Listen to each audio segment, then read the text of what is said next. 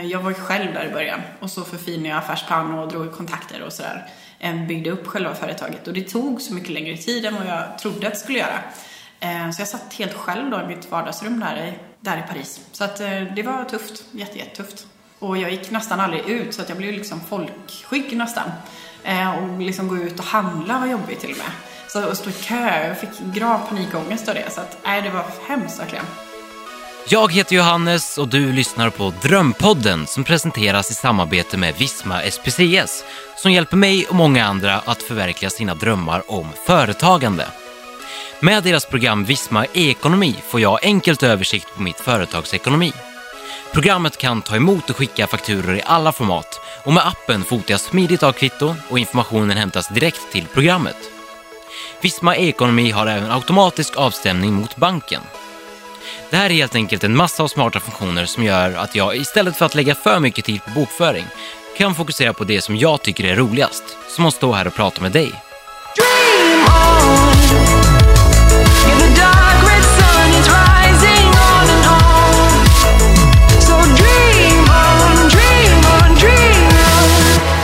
Siri Wikman packade sina väskor och flyttade från Borås till Paris och startade klädmärket Ariane i sitt vardagsrum.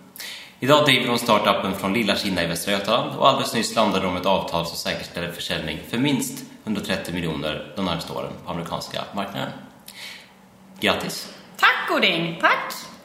Det är, det är mycket pengar och även om pengar inte är allt så visar det ju något sätt sätter vi er på kartan. Verkligen, ja men verkligen. Mm. Det, vi använder ju vår webbshop lite som så indikator på vilken nästa marknad ska bli. Så att vi har väl haft den amerikanska kunden som ja, vår andra största marknad nu sedan ett år tillbaka. Så att det, var, det föll sig ganska naturligt att vi hittade en partner där. När blev det här klart? I, för två veckor sedan. Så att det är väldigt färskt. Och vad, vad innebär det egentligen? Det innebär egentligen att vi har en agent som jobbar för oss där nere då och som committar till en budget över en treårsperiod. Så att det, det är egentligen det avtalet grundar sig i då. Häftigt. Ja, kul. Du växte upp i Borås. Mm. Hur är det att växa upp där? Det är eh, ganska mysigt faktiskt. Det är lite så här småstadsfeeling såklart. Eh, väldigt tryggt, mycket vänner. Ja, mysigt liksom. Mm. Det är en textilstad. Ja, det är det verkligen. H&M och Ellos, eller? Ja, H&M, Ellos och så har vi Nelly och så, vilka har vi mer där? Ja, det är JC grundade sig i Borås och lite sådär. Så att det andas verkligen mode där, det gör det. Är det någonting som har påverkat dig? Mm, absolut. Sen har jag en pappa också som jobbar med textilindustrin. Så att det, var, det föll sig ganska naturligt. Hur såg din familj ut? Eh, mamma, pappa. Eh, de skilde sig när jag var 19. Eh, så, och sen lillebrorsan då såklart, Karl, som bara är två år yngre. Så att vi är ju väldigt tajta idag då. Och hur, eh, du sa att din pappa jobbade med textil? Mm, han jobbar med möbeltextil. Så att det är inte så långt ifrån, men ändå ganska olika världar är det absolut. Är de entreprenörer? Pappa är ja. eh, Mamma är nog också det egentligen. Men hon har haft lite olika andra yrkesval. Allt från designer till politiker och nu jobbar hon i hemtjänsten och omutbildar sig när hon var 60 år. Så hon är skitcool, tycker jag. Det är häftigt. Mm. Det är aldrig för sent. Nej, verkligen inte. Var det en bra uppväxt? Ja, det tycker jag. Verkligen, verkligen jättebra. Jag har spelat mycket fotboll och sådär, så att det har varit, eh, präglat mitt liv ganska mycket också. Vad drömde du om när du var liten då? Fotbollsproffs eller? Nej, jag ville bli FBI-agent då. Okej. Okay, ja. Kolla ganska mycket på History X. Vad heter det? Nej, inte History X. Arkivex. Arkivex, ja. ja. Spännande. Mm. Men du, det, när lade du av dem, med de tankarna? Ja, kanske när jag var 12 då. Så att det var inte så länge. Okej. Okay. Ja. Förstår. Hur har vägen sett ut med din eh, nuvarande karriär då? Mm. När började intresset för mode och textil? Alltså jag började, började efter gymnasiet så hade jag lite sådär identitetskris och visste inte vart jag skulle ta vägen. Eh, och stod lite i valet kvalet om jag skulle bli läkare eller sen kom jag ju på att jag var en stor hypokondriker så det gick ju inte och var rädd för blod.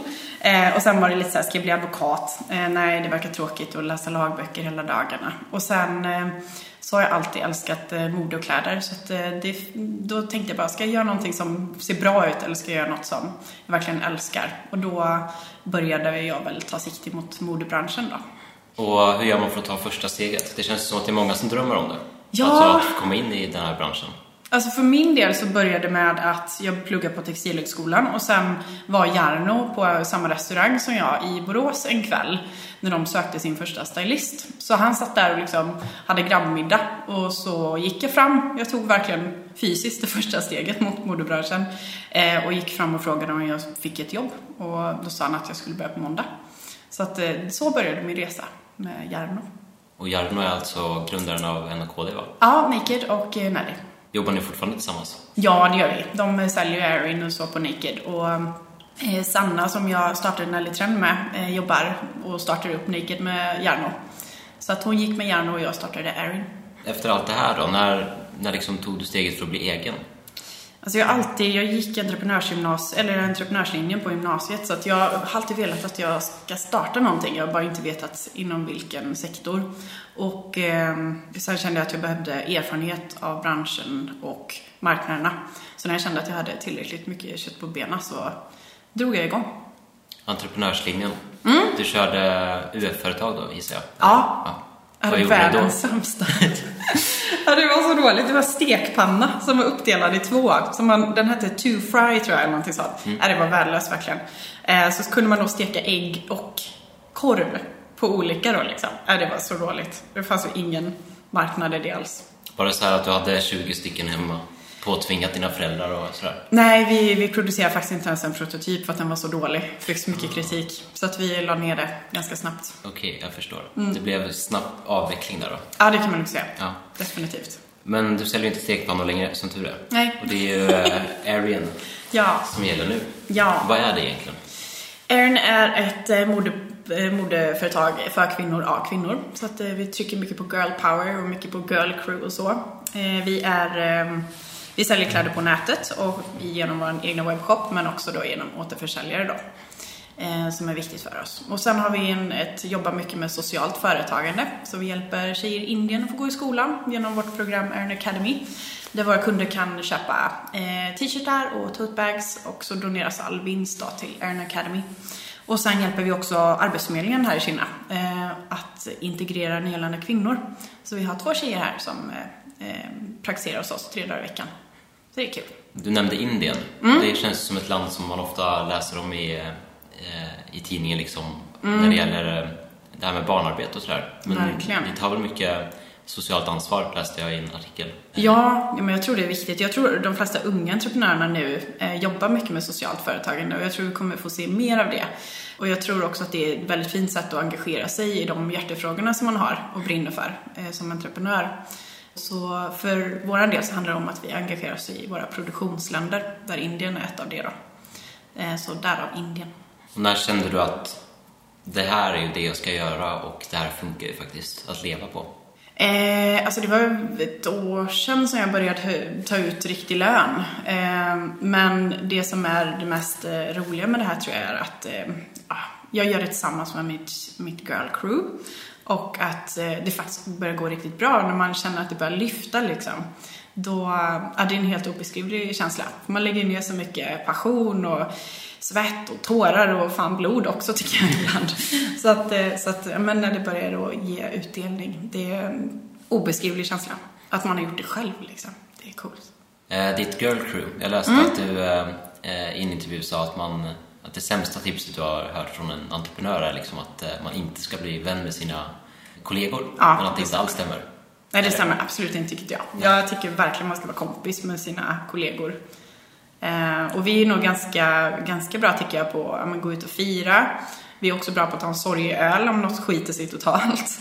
Men det, det grundar sig ju såklart i en vänskap i grund och botten. Och att man respekterar varandra som en vän. Och man bortser från att man är chef och anställd och allt som har med liksom hierarkiska strukturer att göra så tror jag att det är viktigt att man, man får se sig själv som en ledare istället för chef. Hur hittar man rätt personer? De där som man kan bli vän med? Mm, det är svårt alltså. Vi är ju väldigt olika. Alla vi är väldigt olika så att eh, vi eh, men vi kompletterar varandra väldigt bra. Eh, för min del så handlar det väl om att jag har jobbat med de flesta som jag anställt så jag vet lite vad de går för. Eh, så det är väldigt få. Eller så är det en väldigt nära vän till mig som rekommenderar någon. Så ja, en nära vän som jag litar mycket på då. Eh, så då känns det liksom safe att anställa någon som är på vissa personers rekommendationer. Eh, Och de här som du pratar om, en del av dem sitter i Paris Mm. och en del av dem är här gissar jag. Ja, de flesta i Paris. Och vad händer i Paris som inte händer här? Det är vårt kreativa kontor. Så där sitter inköp, buying, marknad, eh, design, eh, mönsterkonstruktör och våran IT-utveckling kan man säga. Så här är lager, finans, eh, kundtjänst, egentligen allt som är tråkigt. Men eh, ja, typ. Så här är HQ liksom. Jag har inte någon koll på den här branschen alls. Liksom. Nej, När man ska nej, ta fram kul. Mm. ett plagg, en produkt, vad är första steget? Och hur går man tillväga? Först så bygger vi en story om en kollektion. Eh, så till exempel den här vårkollektionen som kommer här nu, den handlar om den resande kvinnan. Så det handlar om en hardworking woman som åker runt hela världen och som eh, måste kunna klä sig då eh, utefter detta då. Att man är mycket på flygplatser och man är ute på möten och man vill kunna svira om och kunna gå ut och ta en drink och så. Ehm, så att vi, vi beskriver en, en berättelse helt enkelt, eller kommer på någonting själva som vi brinner för och som vi kan se vara en kund i. Och sen gör vi en färgkarta och sen gör vi ett mood, väljer ut eh, vilket tyg, eh, vilka, ja, vilka grundmaterial vi ska ha. Och sen börjar vi skissa. Och sen efter färdig skiss så skickas en techfile då med måttlista och så till eh, våra leverantörer. Och sen får vi ett prov. Och är det fint så beställer vi det, annars så gör vi om det lite grann. Och sen när det är färdigt så säljer vi in det till kunder och släpper det på vår sajt. Hur mycket säljer ni? På sajten eller till våra kunder. Allt möjligt. Alltså 2017 är ju vårt, eh, egentligen vårt investeringsår. Alla våra investeringar har gått mot, eh, mot 2018. Så detta året har vi bara omsatt 2,5 miljoner, vilket är väldigt lite för oss. Eller vart vi ska då. Men eh, det är ju stora saker på väg och 2,5 miljoner är inte heller dåligt. Ja, ja nej men verkligen. Sant. Har du någon annan minnesvärd milstolpe i din karriär? Mm, kanske... Ah, gud vad svårt. Början eller i mitten eller i slutet? Så här all high, liksom all time high. Mm, gud vad svårt. Det måste nog varit när vi fick vara investerare, tror jag, Gert, i maj. eh, För hela teamet. Eh, För vi hade expanderat ganska fort och speciellt då mot 2018. Eh, Och vi hade inte riktigt kapital eller förutsättningar för att fortsätta att växa så fort. Så få den chansen. Han gick in med 9 miljoner då, var helt fantastisk. Eh, Så det var, en, det var verkligen en stor händelse för oss tror jag. Men jag måste fråga, om du inte så... eh, Vad liksom är dina så här, Vad har du för idé om modebranschen eller vad har du för liksom, syn på det? Det är skitintressant att veta från någon som är, liksom, inte jobbar med det dagligen. Hur man ser. Det känns som att det är väldigt mycket um, yta på något sätt. Eh, utifrån. Ehm, just det här med modeveckorna och eh, jag vet inte. Vi har faktiskt aldrig varit på någon modevecka men jag håller verkligen med dig. jag håller med dig. Det är nog lite så man ser det, skulle jag gissa. Ni vill inte vara såna? Nej, alltså vi brukar alltid säga att vi vill ha lite mer sisterhood, att det ska vara lite mer mys. Liksom. I, i, och man har kanske en, eller vi får ofta höra att eh, man tror att det är tjejer som är elaka mot varandra och försöker liksom förstöra för varandra på olika sätt. Ehm, så för, för oss så tror jag att det är viktigt liksom att trycka på så här, finns modeföretag som inte är så, ehm, ja, som är elaka mot varandra eller lite, lite så här djävulen med Prada-aktigt. Vi är inte ett sånt företag. Nej. Nej. Eh, en rubrik som jag läste när jag googlade dig. Jag har läst väldigt mycket låter det som här nu. men- Gud, du är jätteinsatt. Jag är Ja. jätteimponerad. Ehm, är ju att du dissade Stockholm Fashion Week. Ja, åh gud, det blev lite missuppfattat. Det var ju bara för att vi inte var där. Det var inte att vi dissade. Nej, okej, jag förstår. Ja. Eh, Det är inget, liksom, eh, inget ont blod mellan er och Nej, Stockholm nej, nej, Fashion nej, Week. gud, nej. Vi kommer, nog, vi kommer komma i februari nu och Då ha en liten Då är det fest. utrett. Du är jättevälkommen Johannes. Tack så mycket. Varsågod.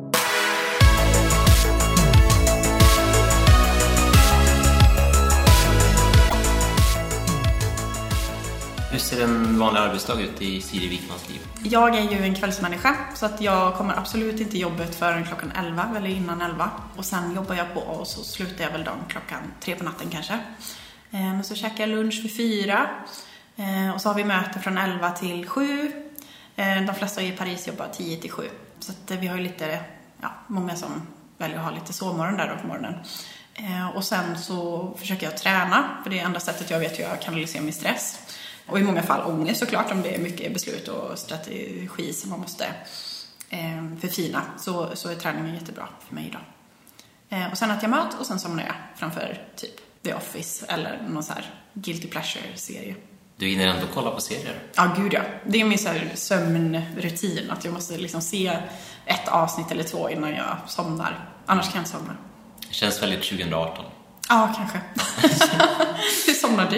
Eh, det är nog ungefär samma. Bara att jag somnar mitt i avsnitten och jag Ja. inte se klart dem liksom. Nej, men så får man spola tillbaka dagen efter och sådär. Ja. Det får det vara värt. ja. Det här med att jobba mycket. Du Mm. jobbade 16 timmar om dagen i ditt vardagsrum eh, i Paris. Gud, du är så påläst Jonas. Fantastiskt. Ja, det gjorde jag. Mm. Det var inte hälsosamt för någon. Nej. Eh, Jag var ju själv där i början och så förfinade jag affärsplan och drog kontakter och sådär. Byggde upp själva företaget och det tog så mycket längre tid än vad jag trodde att det skulle göra. Eh, så jag satt helt själv då i mitt vardagsrum där i, där i Paris. Så att eh, det var tufft, jätte, jättetufft. Och jag gick nästan aldrig ut så att jag blev liksom folkskygg nästan. Eh, och liksom gå ut och handla var jobbigt till och med. Så att stå i kö, jag fick grav panikångest av det. Så att, nej, det var hemskt verkligen. Men sen köpte jag en bra bok och sen började jag läsa den. Och sen, sen har jag ändå mått hyfsat bra. Tycker det är ganska jobbigt att flyga, men ja, annars. Långa resor till eh, inköpsresorna är väl långa? Ja, de är långa. Vi, jag och Olivia då, vår creative director, hon, eh, vi flög till Kina för ett år sedan lite drygt. Och då flög vi med Aeroflot, alltså Rysslands eh, flygbolag. Det var det värsta jag varit med om i hela mitt liv.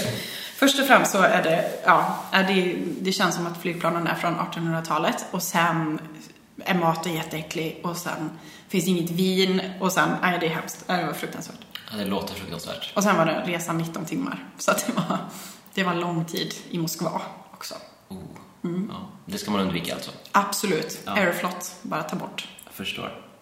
Det känns inte som att det finns så mycket möjligheter att träna och komma till naturen i Paris heller. Nej, definitivt inte. De tränar hus, inte så hus, mycket. hus. Ja. Hus, hus, cigg, rödvin och typ, ja, ungefär så. Shit vad franskt. Det är verkligen det man ser på Tumblr. Ja, det är verkligen så. Ja. vad är det som driver dig då, trots allt det här? Oj, vad svårt. Jag tror att det är mycket, ja, att man vill, man har drömt om det här så länge så att man vill verkligen göra det och sen göra det fullt ut. Och sen, eh, det finns så många stora moderbolag i Sverige eh, som är riktade mot kvinnor, men det finns faktiskt ingen sån här stor, storbolag med kvinn, kvinnlig grundare och kvinnlig VD. Så vi vill väl försöka att bli en utav dem. I varje karriär så kommer det motgångar. Mm. Vad har du märkt av för några? Ja, gud. Det har varit många det med, tycker jag. Ehm, jag försöker att se dem som liksom läro, lärodelar så för mig själv.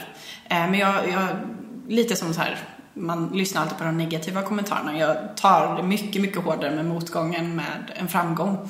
Eh, Så jag är inte alls bra på att liksom så här, motivera mig själv tillräckligt för att kunna hantera en liten, lite mindre med, eh, motgång då. Eh, men om jag ska ta något exempel. I början av i början av uppstarten så hade vi inte så bra foton. Vilket gjorde att vi såg väldigt så här billiga ut liksom. Eller det såg liksom startup-byggt ut. Eh, så jag tror om man är ett litet, litet bolag så ska man försöka anlita bra fotografer för att liksom se proffsigare ut utåt och upplevas som större än man faktiskt är. Eh, för oss så funkar det inte alls och vi fick absolut inte igång vår egna onlineförsäljning. Till en början tror jag delvis på grund av det här. Och delvis för att vår sajt var ganska dålig. Eh, och sen är det väl, det är väl också en ganska stor grej. Vi, ingen utav oss i teamet är särskilt, vi är inte skitduktiga på den tekniska delen. Och eh, vår webbshop är ju en, ändå en stor del av våran.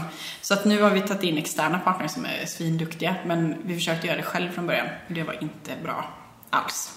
Speciellt om man inte vet riktigt vad man ska kunna kräva eh, när man inte insatt så. Det är ett bra tips. att anlita någon extern som man litar på och som är skitduktiga hungriga liksom. Vad har, eh, var hämtar du kraft? Är det träningen? Serier?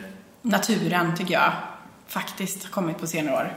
Jag inser, jag vill väldigt, eller jag, jag är ju från Borren och det, jag tänker att jag vill ju, jag har alltid liksom känt mig som en citykid men ju äldre, ju äldre jag blir desto mer inser jag att jag är ett forest kid.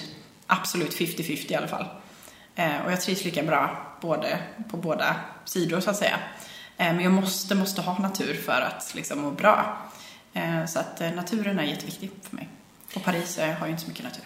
Nej, jag känner igen det där med att vara född i en småstad och sen Mm. så vill man, eller så längtar man därifrån liksom. Och så hamnar man i Stockholm eller Göteborg eller något sånt där. Ja. Så är det jättetrevligt, men så inser man att så här, den naturliga instinkten är ändå att komma till naturen. Verkligen, verkligen.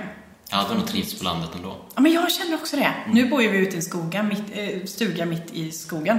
Och det är, det är liksom, ja, jag trodde aldrig någonsin för fem år sedan att jag skulle kunna tänka mig att bo så under en kortare tid då såklart. Men, men eh, ja, det är jätteintressant.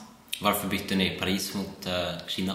Mm, fick ju den här investeraren. Så att då åkte jag hit och så byggde jag upp lager och logistikhanteringen eh, lite bättre än vad vi haft nu. Så vi ska kunna skala upp snabbt. Så därav flytten. Och så tror jag med min kille från Paris också. Som jobbar med reklam. Han fick lämna jobbet i... Ja, Ja. han gjorde det faktiskt. Tar du med dig jobbet hem? ja, tyvärr. Jag är jättedålig på det. Det är nog det första jag gör och det sista jag gör. Jag kollar mejlen. Och sen, um, vare sig man är på Instagram eller någonting som kanske är liksom ehm, ja, som är nöje för någon annan, det är jobb för mig. Jag analyserar vad folk har på sig och hur vi ser ut utåt och hur andra kanske ser oss och så. Så att, ehm, ehm, ja, det blir väl serier då liksom som man får, ja, guilty pleasure med, tror jag. Har du eh, någon dröm som har krossats? Kanske lite om den drömmen om att jag har trott att jag är oövervinnlig. Eh, och det inser jag ju då, speciellt efter där i början då när jag blev lite knäpp och skogstokig. Eh, men jag tror nog att jag har nog lärt mig att ha lite mer respekt för mig själv också och inte utsätta mig för sådana här galna maraton eller ehm, ja, försöka få in lite rutiner och sådär. Eh, Så det är väl kanske inte en dröm som har krossats men det är i alla fall en självbild som har krossats av att man tror att man är ja, att inget kan få ner en så att säga. Det kanske har lett till något som är ännu bättre. Jag hoppas det. Jag har stor respekt för, för alla, alla oss i personalen och i Arin-teamet. Att eh, det är perioder som är stressigare och då får man försöka att verkligen typ ja, skapa pauser för alla så att alla får ett andrum när det är för mycket att göra och så där ibland. Är du nöjd med var du är idag? Ehm, nej, det är absolut inte. Jag tror inte jag någonsin kommer bli nöjd så. Men ehm, jag är nöjd med eh, vart vi förhoppningsvis kommer hamna, så, så, ehm, ja, nej. Jag, jag vet inte, är du nöjd? Ja, Ja. men eh, jag är inte färdig. Jag Nej, är nöjd, men det men är inte det var bra. Så ska jag också säga nästa gång. Ehm, tror du att du alltid kommer jobba med det du gör nu? Nej, det tror jag inte. Absolut inte. Jag tror att jag... Jag har väl ändå försökt fundera på någon slags 20-årsvision eh, karriärsmässigt och eh, efter Arian så skulle jag hemskt gärna vilja investera i kvinnliga bolag. Eh, finns väldigt få som, eh, av de kvinnliga entreprenörerna som får eh, startup-kapital. Eh, så det, det är en stor passion. Jag skulle vilja eh, driva en stor investmentbyrå där jag fokuserar främst på kvinnliga företagare. Förut när du sa att, jag måste bara gå tillbaka till den här frågan med om du är nöjd med var du är idag, Mm. så säger du att du, är, alltså, du ser fram emot vart ni kommer vara. Mm. Vart kommer ni vara då? Ja, eh, omsättningsmässigt så hoppas vi väl kunna komma upp till 500 miljoner ganska snabbt inom en tvåårsperiod. Eh, och sen är vi sugna på börsnotering, eller en börsintroduktion. Eh, så det är väl nästa steg, stora steg för oss då. Eh, främst komma upp i omsättning såklart. Eh, men sen kan det också bli lite så när man sitter och har omsatt 2,5 miljon på 2017 så kan det ju bli att man, man, det kan verka att man sitter och pratar om ett luftslott. Eh, men efter USA och efter våran nya expansion mot, mot eh, eh, Centraleuropa så, så, så är vi nu på väg. Liksom. Så det känns mycket, mycket, mycket tryggare på ett sätt att ha det färdigt. Och hur lång tid pratar vi om här? Tre år högst. Det är kort tid. Ja, absolut. Så det, det, är en, det är en tuff men väldigt, väldigt spännande period framför. Ska ni expandera teamet med fler personer? Ja, vi håller på. Vi, vi har gått från sex personer nu eh, i maj till 13 eh, i december. Så vi ska väl förhoppningsvis bli några fler i år. Eh, men nu har vi en bra bas att stå på. Nu kan vi skala upp till 250 miljoner utan att ta in eh, för många personer till. Speciellt eh, design buying, eh, logistics. Det är väl där vi kommer expandera kanske lite till framför, framför oss då. Är det inte läskigt att sitta här i Sverige och veta att du har medarbetare i Paris? Hur vet du att de sköter sig? Ja. ja, det är svårt faktiskt. Eller nej, det är absolut inte svårt. Jag litar på dem faktiskt jätte- jättemycket. Och eh, jag försöker se det, eller vi, företaget är byggt av intraprenörer eh, och varje person driver Erin som sitt egna bolag. eh, på ett sätt. Så att, så att jag, jag ser dem lite som, som egna, sina egna chefer som bestämmer över sig själva. Och jag litar verkligen på dem, det gör jag. Så länge de levererar Precis. så får de jobba precis hur mycket lite de vill. Exakt. Ja men faktiskt, verkligen. Definitivt. Vad har du för drömmar just nu? Eh, jag är ju absolut sugen på att... Jag tycker att jag har rest, jag har rest och sett hela världen. Jag älskar världen och den är jättefin så. Men jag skulle faktiskt inte vilja resa så jättemycket förutom ex ut, utvalda ställen då som jag älskar. Eh, som till exempel Ischia. Det är min dröm att ha tre veckors semester där i sommar just nu. Vad sa du att det hette? Ischia i Italien. Det Okej. ligger eh, typ 20-30 minuter ut med båt från Neapel. Rekommenderas. Ja, då har jag missat någonting alltså. Ja. Jag har inte hört om det förut. Nej, åh gud. Då Vad är det som är bra med det? Det är ju då en lavaö, så att överallt så finns det spa med naturliga källor och sen är det citronodlingar överallt och de odlar jättegott vitt vin. Eh, Så det är då kanske heaven on earth faktiskt. Det är världens bästa plats. Det låter så i alla fall. Mm. Vad, eh, vad händer inom den närmsta framtiden? Ja, jag ska flytta till Paris då eh, och se fram emot att komma närmare kärnverksamheten och eh, se fram emot att hänga med tjejerna i Paris. Jag har haft väldigt mycket FOMO här hemma. Fear of missing out. Så att nu kan jag komma dit och så komma mycket närmare design och produkterna och kunderna och sådär. Så det känns kul.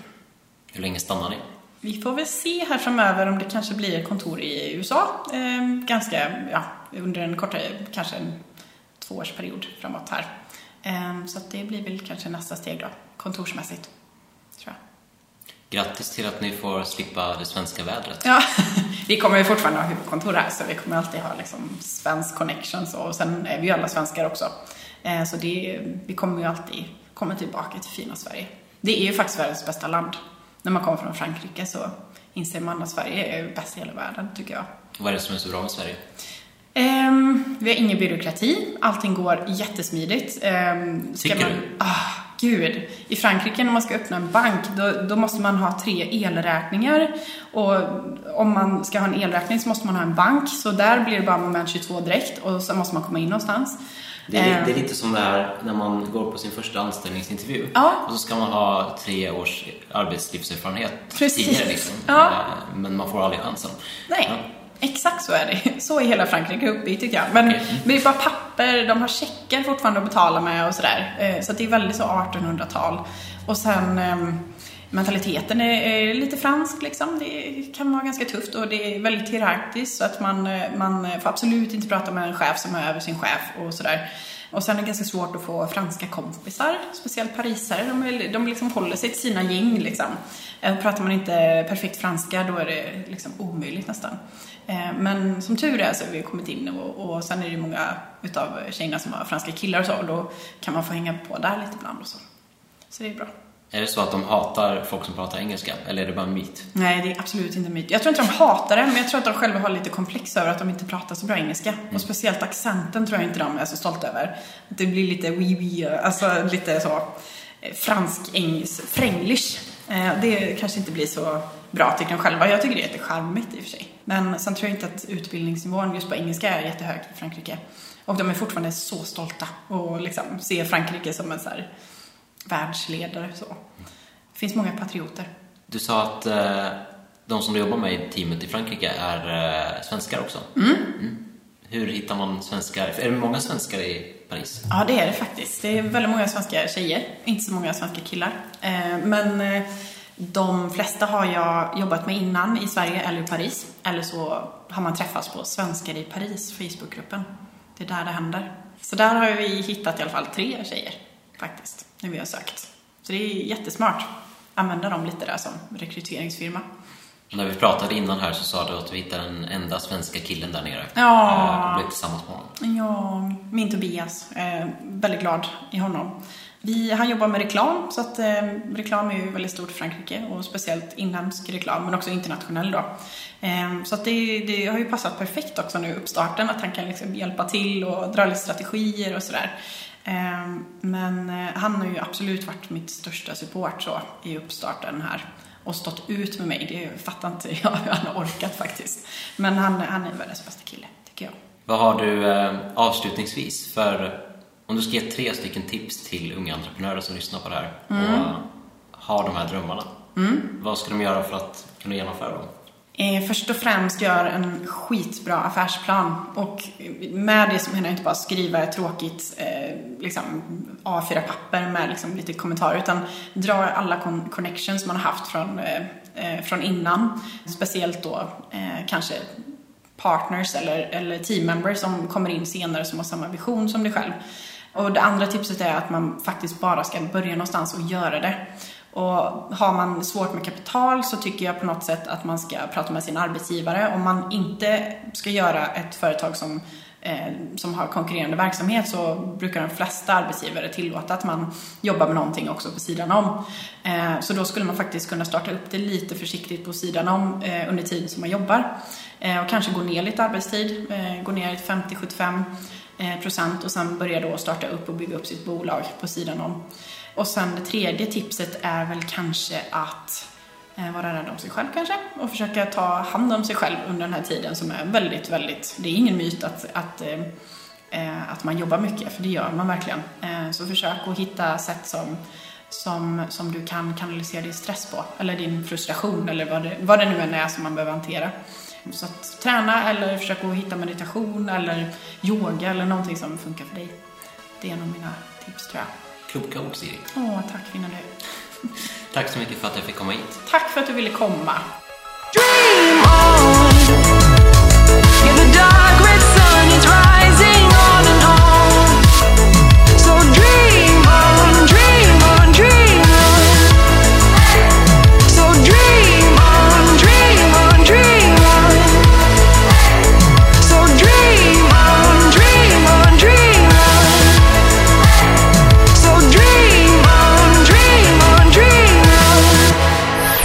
produceras av I Like Radio.